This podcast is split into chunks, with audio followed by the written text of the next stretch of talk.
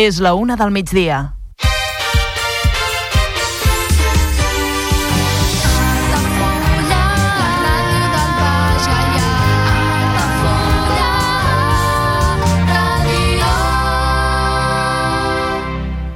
Altafulla Ràdio. Serveis informatius.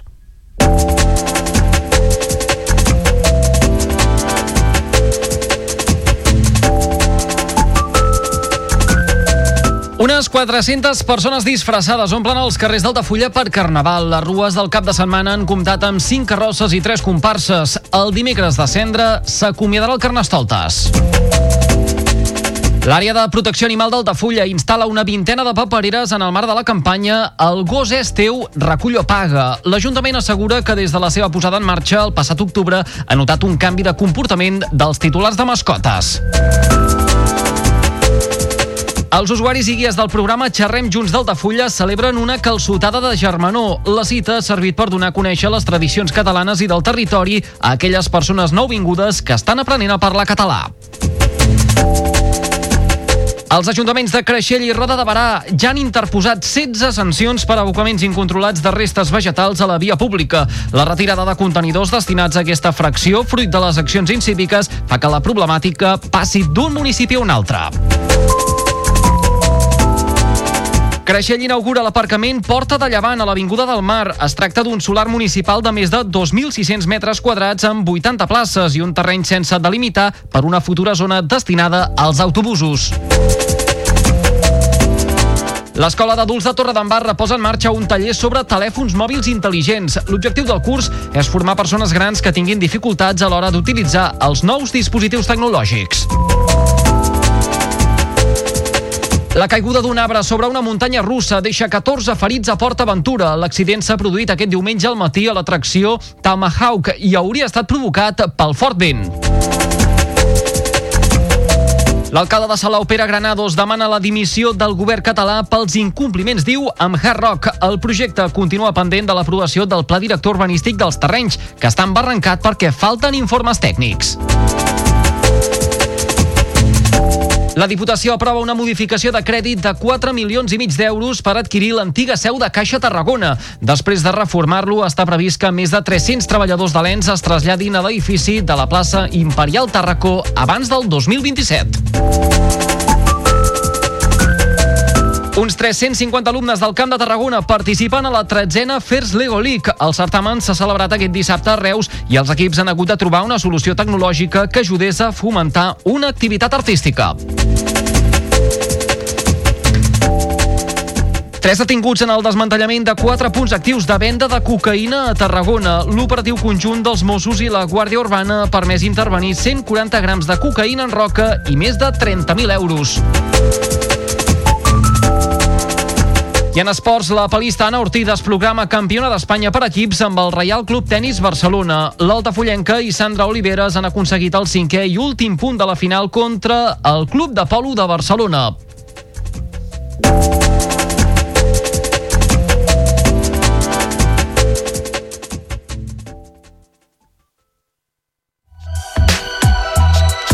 Altafulla Mar Hotel. Esdeveniments familiars, comunions, batejos i casaments i reunions d'empresa. Sales privades amb llum natural, terrassa i accés al jardí, des de 10 fins a 200 assistents. Altafulla Mar Hotel, el teu espai de confiança per a les teves celebracions familiars al barri marítim d'Altafulla.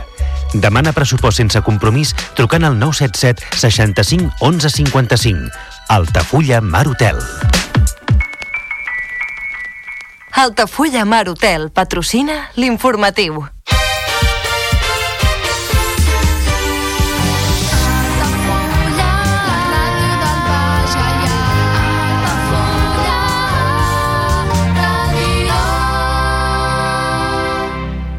Altafulla Ràdio. Notícies.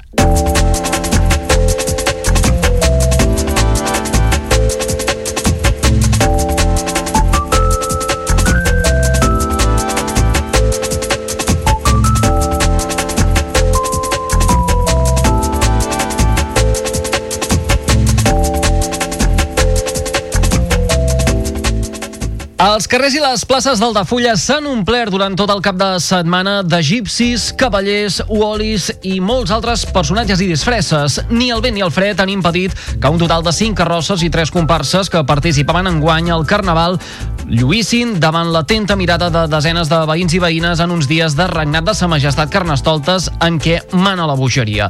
Aproximadament, segons l'Ajuntament, que és qui organitza la festivitat, hauran desfilat unes 400 persones que enguany han completat fins a tres rues ben lluïdes, tant dissabte a la nit com diumenge al matí a la tarda. La disbauxa, de fet, va acabar aquest diumenge a la plaça Martí Royo amb una festa d'animació amb DJ, coreografies i efectes de so i llum. El regidor de festes d'Altafulla, Àlex Canyes, n'ha fet una valoració molt positiva. Estem molt contents de, de la resposta de la gent, de, de poder recuperar aquest carnaval amb, amb les carrosses i, i les comparses, no? que doncs, malauradament l'any passat no, no es va poder donar, i, i bé, ja hem vist doncs, l'alta la, afluència de, de gent que hi ha hagut, una, un alt índex de participació, i estem molt contents d'això, doncs, que la gent eh, hagi tingut ganes de, de tornar-hi i, i bé, en aquest sentit, eh, preguntant també doncs, amb els grups que com ho havien vist o com havia passat, pues, estan molt contents, no? I nosaltres, pues, això, eh, super contents de com ha anat el cap de setmana i, i sobretot per la resposta de la gent, que al final és una mica el que et marca eh, si la cosa va bé o no. Una de les novetats del programa de Carnaval Altafulla d'enguany ha estat el dinar de les colles, que s'ha celebrat aquest diumenge al Poliesportiu. Una trobada que, segons Àlex Canyes, ha anat molt bé i ha servit d'una banda per fer pinya i de l'altra per cobrir l'impàs de temps entre la Rua de Baixamar, la Guerra de Confeti i el concert amb Pirata Rumversiones del matí i la Rua i l'espectacle de la tarda a la Martí Royo. De fet, doncs, la, la gent ho va agrair, no?, el fet de que acabis la Rua de diumenge al, al matí a, a Baixamar, amb la Guerra de Confeti, el concert i de més, i que no hagis de patir doncs, per buscar el lloc, fer-te el dinar o anar-lo a buscar. Eh, en aquest sentit, doncs, ens vam trobar al poliesportiu, va haver un, un gran ambient, això també el que va reformar és una mica doncs, aquesta unió entre les colles i aquest sentit no, de, de, de, de fer família entre, entre tothom i, i la veritat és que va anar molt bé, de fet, eh, amb el timing, no, que era una mica el que més ens preocupava, si, si aniríem bé o just o tard, i, i bueno, podem, podem estar satisfets que doncs, a, a les 4 havíem acabat de dinar tothom i, i bé, doncs vam fer una mica de sobretaula i de més i una, una vegada ja a quarts de 5 ja fem els preparatius, vull dir que va anar tot molt rodat les festes de Carnaval Altafulla posaran el seu punt i final aquest dimecres de cendre, dia de dol, en què tal com marca la tradició hi haurà l'enterrament de la sardina. Des del carrer de l'Hostal, davant del casal La Violeta, fins a les antigues escoles 3 a Manero, s'organitzarà la processó encapçalada per la sardina i les ploraneres i un correfoc del grup de Diables d'Altafulla. La festivitat culminarà amb la lectura del testament i comiat del rei Carnestoltes, així com la tradicional sardinada i botifarrada popular. El preu del tiquet tindrà un cost de 2 euros.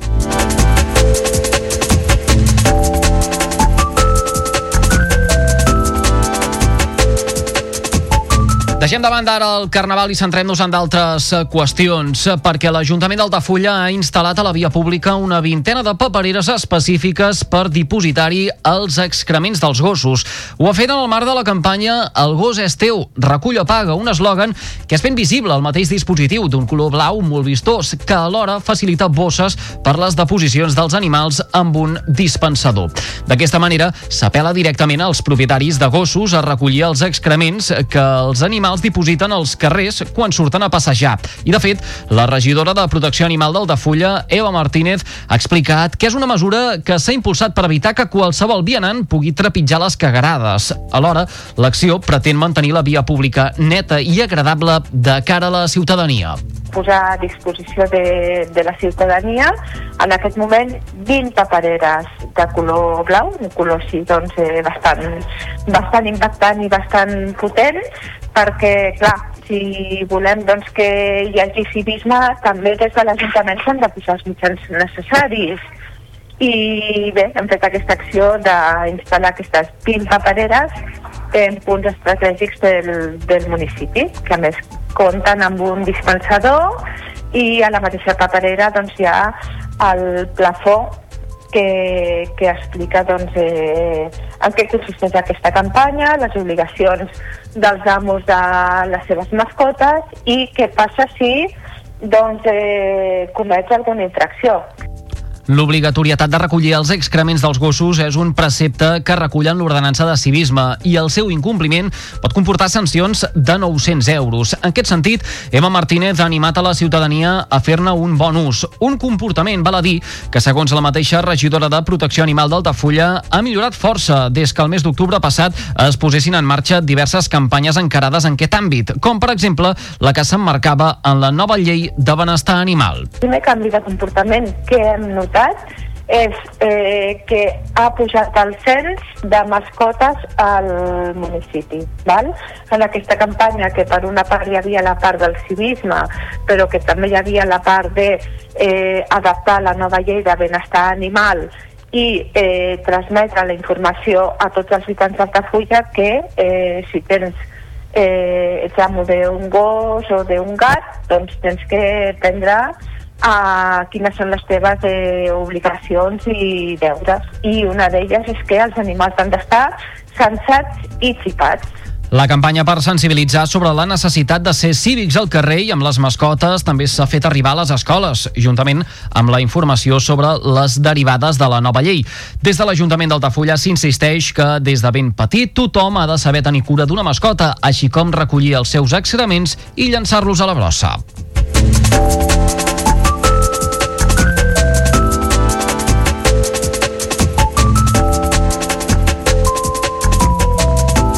Més coses. L'edició actual del programa Xerrem Junts porta en marxa el de Fulla des del passat mes d'octubre i és tan bona la relació que s'ha establert entre totes les persones que en formen part, una quarantena en total, que aquest cap de setmana ha portat la iniciativa a fer una passa més, perquè si tothom que hi pren part, tant usuaris com guies lingüístics, el que fa habitualment és xerrar i conversar per començar a expressar-se en català i fer-ho de manera fluida, aquest cop la xerrameca ha estat al voltant d'una taula preparada per dinar i més concretament concretament per celebrar una calçotada. Aquests cursos de conversa estan impulsats per l'Ajuntament d'Altafulla, de la mà de la coordinadora d'Associacions per la Llengua Catalana, l'Associació de Professionals i Estudiosos de la Llengua Catalana i del Consell Comarcal del Tarragonès. L'objectiu de la iniciativa és que les persones nouvingudes i aquelles que no s'atreveixen a parlar la llengua perdin la por i la vergonya a fer-ho, però que alhora també s'apropin a les tradicions catalanes i del territori. És en aquest marc que ha explicat la coordinadora de guies lingüístics del Xerrem, Danina Martí, Martínez, que s'ha organitzat la cita gastronòmica. Molt bé, va anar, va anar molt bé, tot i que ens va fer molt de vent, però va anar molt bé, la veritat és que van participar molts de xerreires, tots els guies que portem al xerrem, i, i, bueno, i també doncs, de, gràcies a l'Ajuntament vam poder celebrar aquesta calçotada que molta gent, doncs, els que van participar no havien menjat mai calçots. Així que per ells va ser la primera vegada de, de provar els calçots, que per això va ser la idea de fer la calçotada, perquè doncs fent el xerrem i ensenyant a parlar català ens vam donar compte que molts d'ells no, no havien fet mai una calçotada i no coneixien aquesta tradició de la nostra terra, no? I una mica el que estem fent amb el xerrem és que vagin coneixent les tradicions d'aquí a Catalunya i integrar-los amb aquestes, amb aquestes tradicions també. Tots els participants han quedat molt satisfets de l'àpat malgrat la ventada i el fred d'aquest cap de setmana, ha explicat Daniel Martínez al de Fulla Ràdio. De fet, algunes persones fins i tot desconeixien els calçots i la trobada social que significa una festa d'aquesta tipologia.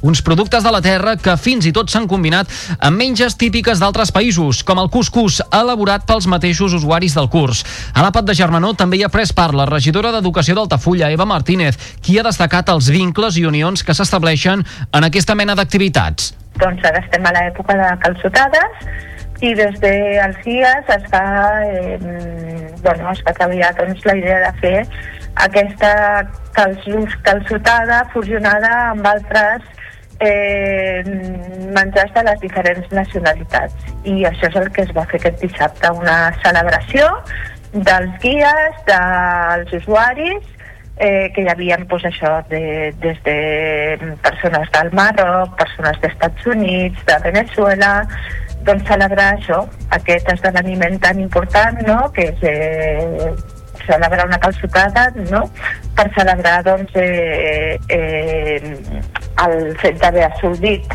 el projecte eh, integratiu que, que forma part del Xerrem Junts. El programa Xerrem Junts va posar-se en marxa a Altafulla tot just ara fa 5 anys i des d'aleshores ha donat molt bons resultats i és que en tan sols un curs moltes persones ja són capaces d'arribar a mantenir una conversa en català sense dificultats. En aquesta edició la trobada és setmanal i en diferents grups conduïts per un guia. Es fa tant als matins com a les tardes, de manera que s'adapta a la disponibilitat de tothom i a més a més l'activitat és totalment gratuïta.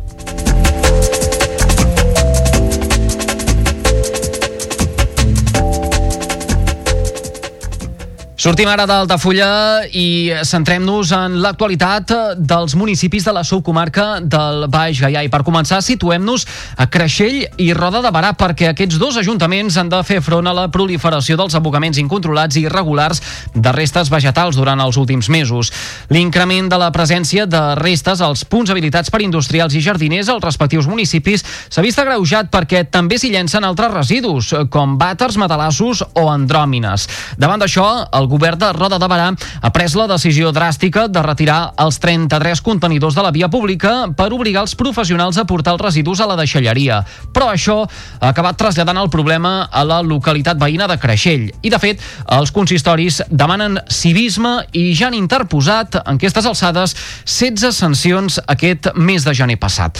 Des de l'Ajuntament de Roda de Barà expliquen que es va reorganitzar el servei de recollida de restes vegetals a principis de gener davant la situació de desbordament que patia recollien. El seu alcalde, Pere Virgili, ha explicat que recollien les deixalles vegetals tres cops per setmana dels 33 contenidors que havien habilitat. En total s'arribava a la xifra de 100 contenidors de poda a la setmana, ja que els abocaments de petits industrials els col·lapsaven i pareixien voluminosos. El Valle, de fet, ha lamentat que això costava més diners que reciclar la mateixa poda i calcula que l'abocament indegut ha suposat que el cost del tractament d'aquests residus s'hagi incrementat fins a un 130%. L'alcalde de Roda ha explicat que van començar a patir els abocaments incontrolats quan el Vendrell va retirar els contenidors destinats per aquests residus de la zona costanera.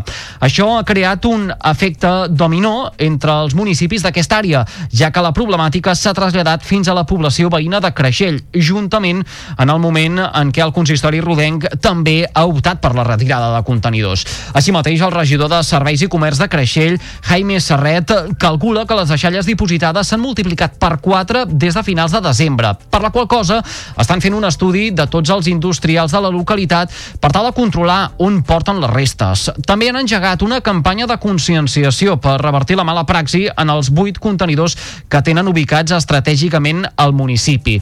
Tot i que l'alcaldessa de Creixell, Montserrat Muñoz, confia que no seran necessàries accions més dràstiques, tampoc es descarta si no se soluciona la problemàtica. Diu que per ara no tenen quantificat el sobrecost d'aquests abocaments perquè no els han arribat les factures de les últimes descàrregues dels residus del Consell Comarcal, però ha assenyalat que l'increment ha estat notable.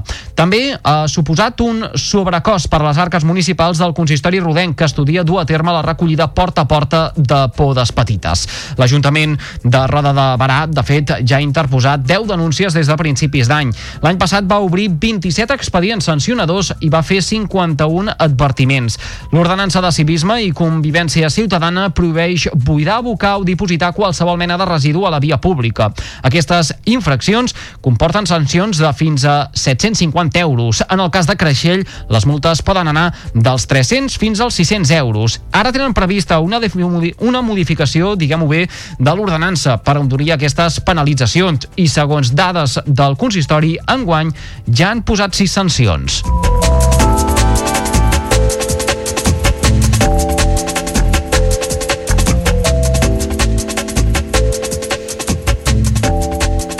Quedem-nos encara a Creixell, però canviem ara de qüestió perquè el municipi disposa des d'aquest cap de setmana d'un nou aparcament municipal. Es tracta de Porta de Llevant, que l'alcaldessa de la localitat, Montserrat Muñoz, acompanyada dels membres de l'equip de govern, ha inaugurat en un senzill acte protocolari. De fet, l'espai situat a l'Avinguda del Mar ja està obert al públic. Es tracta d'un solar de titularitat municipal amb una superfície de 2.600 metres quadrats, que s'ha convertit en un pàrquing de superfície amb capacitat capacitat per 80 places. Quatre estan reservades per conductors amb minusvalideses i a banda queda un terreny sense delimitar.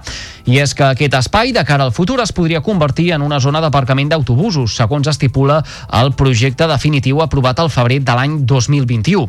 L'Ajuntament de Creixell ha ubicat l'aparcament en un solar municipal situat entre el passeig de Ronda i l'Avinguda del Mar, la zona de vianants dels carrers cèntrics de la població, que permet un nucli històric renovat, requereix una sèrie de serveis que facilitin l'absència de vehicles i és en aquest punt que hi ha el nou aparcament gratuït.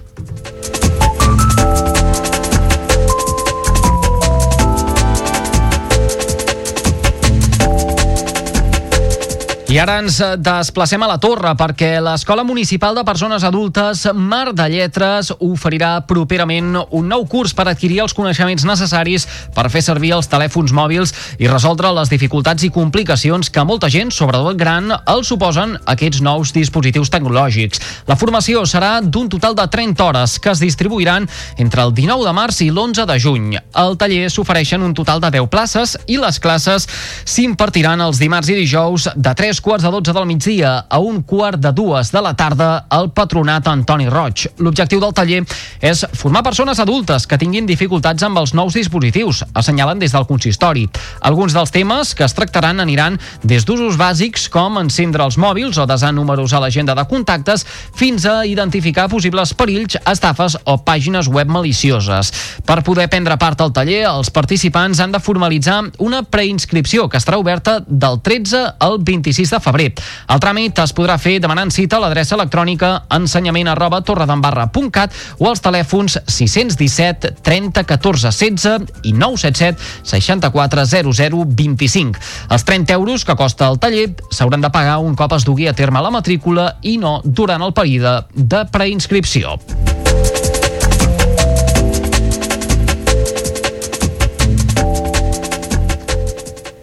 I en l'àmbit territorial, al Camp de Tarragona, hem de lamentar que 14 persones han quedat ferides i dues d'elles crítiques i tres de menys greus per la caiguda d'un arbre pel fort vent en una muntanya russa de Port Aventura.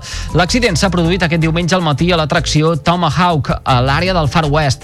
Segons les primeres informacions, la forta ventada ha fet caure un arbre proper a la muntanya russa i algunes de les branques haurien impactat contra els usuaris de l'atracció, segons fonts de Port Port Aventura. El sistema d'emergències mèdiques ha informat d'un balanç de 14 persones ateses, amb dos ferits crítics traslladats a l'Hospital de Bellvitge i el Joan 23 de Tarragona i tres menys greus evacuats al Santa Tecla i a l'Hospital de Reus. S'han mobilitzat 8 ambulàncies i fins i tot un helicòpter. Els Mossos d'Esquadra han desplaçat 5 patrulles a Port Aventura i han detallat que l'avís de l'accident s'ha rebut poc abans del migdia. En declaracions a Catalunya Ràdio, el sotscap territorial del SEM a Tarragona Tarragona, quan Antonio Escorcia ha precisat que hi ha dos menors entre els ferits i que els dos crítics són persones adultes. Dels nou ferits lleus, cinc han estat traslladats a un cap de la zona. Per la seva banda, en un comunicat, Port Aventura ha explicat que aquest diumenge s'ha produït un incident fortuït per la caiguda d'un arbre proper a l'atracció Tomahawk i que algunes de les branques han impactat contra els clients que hi havia a l'atracció. Es tracta d'un succés totalment aliè a l'operativa i manteniment de les atraccions, que compleixen els estàndards més alts de seguretat i estan sotmeses diàriament a rigoroses revisions. Han volgut deixar clar des de Port Aventura.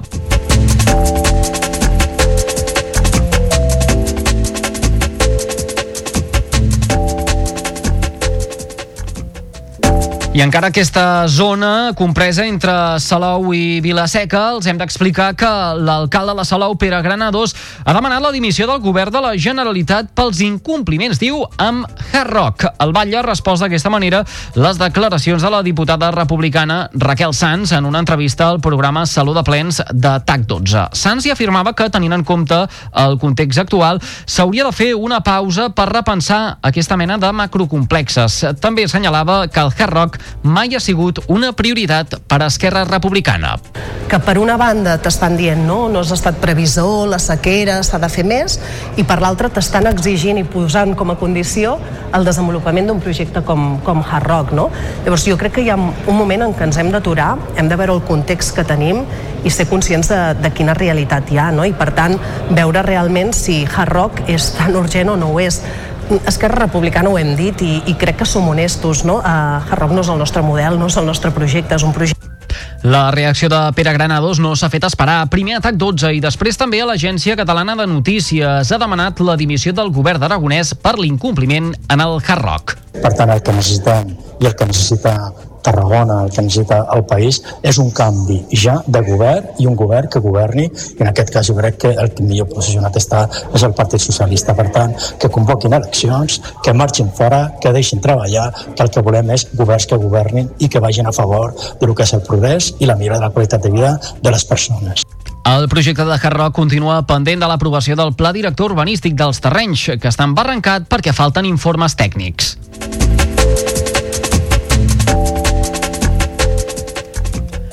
I el ple de la Diputació de Tarragona ha donat llum verda a una modificació de crèdit per valor de 4 milions i mig d'euros que li permetrà adquirir l'edifici de l'antiga entitat d'estalvis Caixa Tarragona a la plaça de la Imperial Tàrraco per fusionar-hi la seus corporativa i operativa de la institució. La proposta s'ha aprovat amb 17 vots a favor dels grups que formen el govern de la Diputació, Esquerra i el PSC, del Partit Popular i de Vox, i 8 vots en contra del grup de Junts. Abans del mes de juny es preveu fer efectiva l'adquisició de l'edifici, una operació que no requerirà de crèdits bancaris atesa la situació de robustesa econòmica de la institució. El diputat delegat de Serveis Generals i Instal·lacions Corporatives, l'alcalde de Torre d'Embarra, Eduard Rovira, ha explicat en declaracions a Ona la Torre que el preu és més avantatjós del que s'havia previst inicialment. I aquest és la, la, el primer pas per exercir aquest, aquest, aquest dret de tanteig i poder adquirir un edifici que per les valoracions que tenien fetes, perquè d'alguna manera estàvem preveient que algun moment es produiria aquest fet d'una venda a un tercer i que nosaltres hauríem d'exercir aquest dret de tanteig s'havia valorat eh, internament amb 7 milions 300 i amb una auditoria externa 7 milions 200 per tant estem eh, molt per sota del preu de, de, de mercat d'aquest edifici un cop adquirit l'edifici, la reforma es preveu que estigui enllestida abans del 2027, amb una primera aproximació pressupostària que ronda els 5 milions i mig d'euros. En total, es tracta de més de 7.700 metres quadrats on està previst que s'hi traslladin més de 300 treballadors. Pel que fa a l'actual seu corporativa de la Diputació, el passeig de Sant Antoni es destinarà a usos institucionals i de representació, entre d'altres.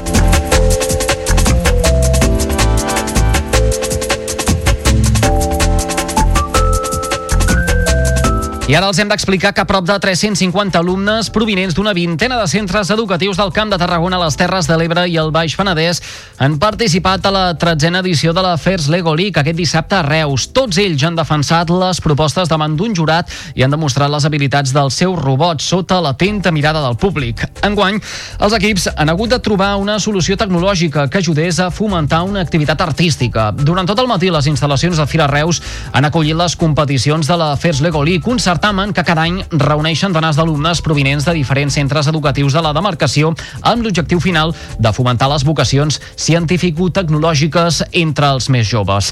Segons el director de l'Escola Tècnica Superior d'Enginyeria de la Universitat Rovira i Virgili, Àngel Cid, amb aquesta iniciativa es busca que els estudiants siguin capaços de fer-se preguntes i que puguin començar a trobar una solució científica i tecnològica. De fet, la FERS Lego League es divideix en dos tornejos, la Challenge, dirigida a alumnes d'entre 10 i 16 anys, on hi han participat 197 joves, i l'Explore per aquells estudiants d'entre 6 i 9 anys, amb la participació de 144 nens i nenes. Després de més de 5 hores de competició, el jurat ha decidit que els equips roboteatrífics de l'escola Ull de Vent de la Bisbal del Penedès i l'Egonac del Col·legi L'Estonac l'Ensenyança de Tarragona són els dos guanyadors de la tretzena edició de la FES Lego League a la demarcació de Tarragona. Dos grups que es desplaçaran a Alacant el pròxim 16 de març per participar en la gran final estatal.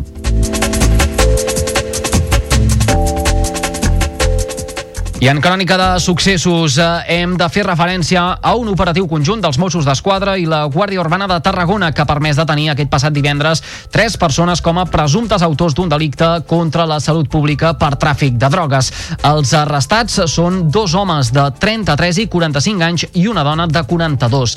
Segons han informat els Mossos, en l'actuació s'han desmantellat quatre punts actius de venda de cocaïna a la ciutat, molt actius, i intervenir 140 grams de cocaïna en roca i més de 30.000 euros en efectiu.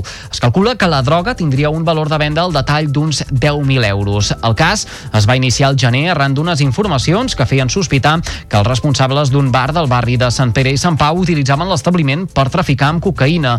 Durant la investigació, agents de paisà dels dos cossos policials van fer diverses vigilàncies i controls a tres immobles i un local on van constatar que no paraven d'entrar i sortir persones consumidores. Així, els policies van esbrinar que els investigats utilitzaven dos dels domicilis per emmagatzemar la droga i amagar els diners obtinguts de la venda. Per tot plegat, van sol·licitar al jutjat l'ordre per entrar a tres pisos i un bar.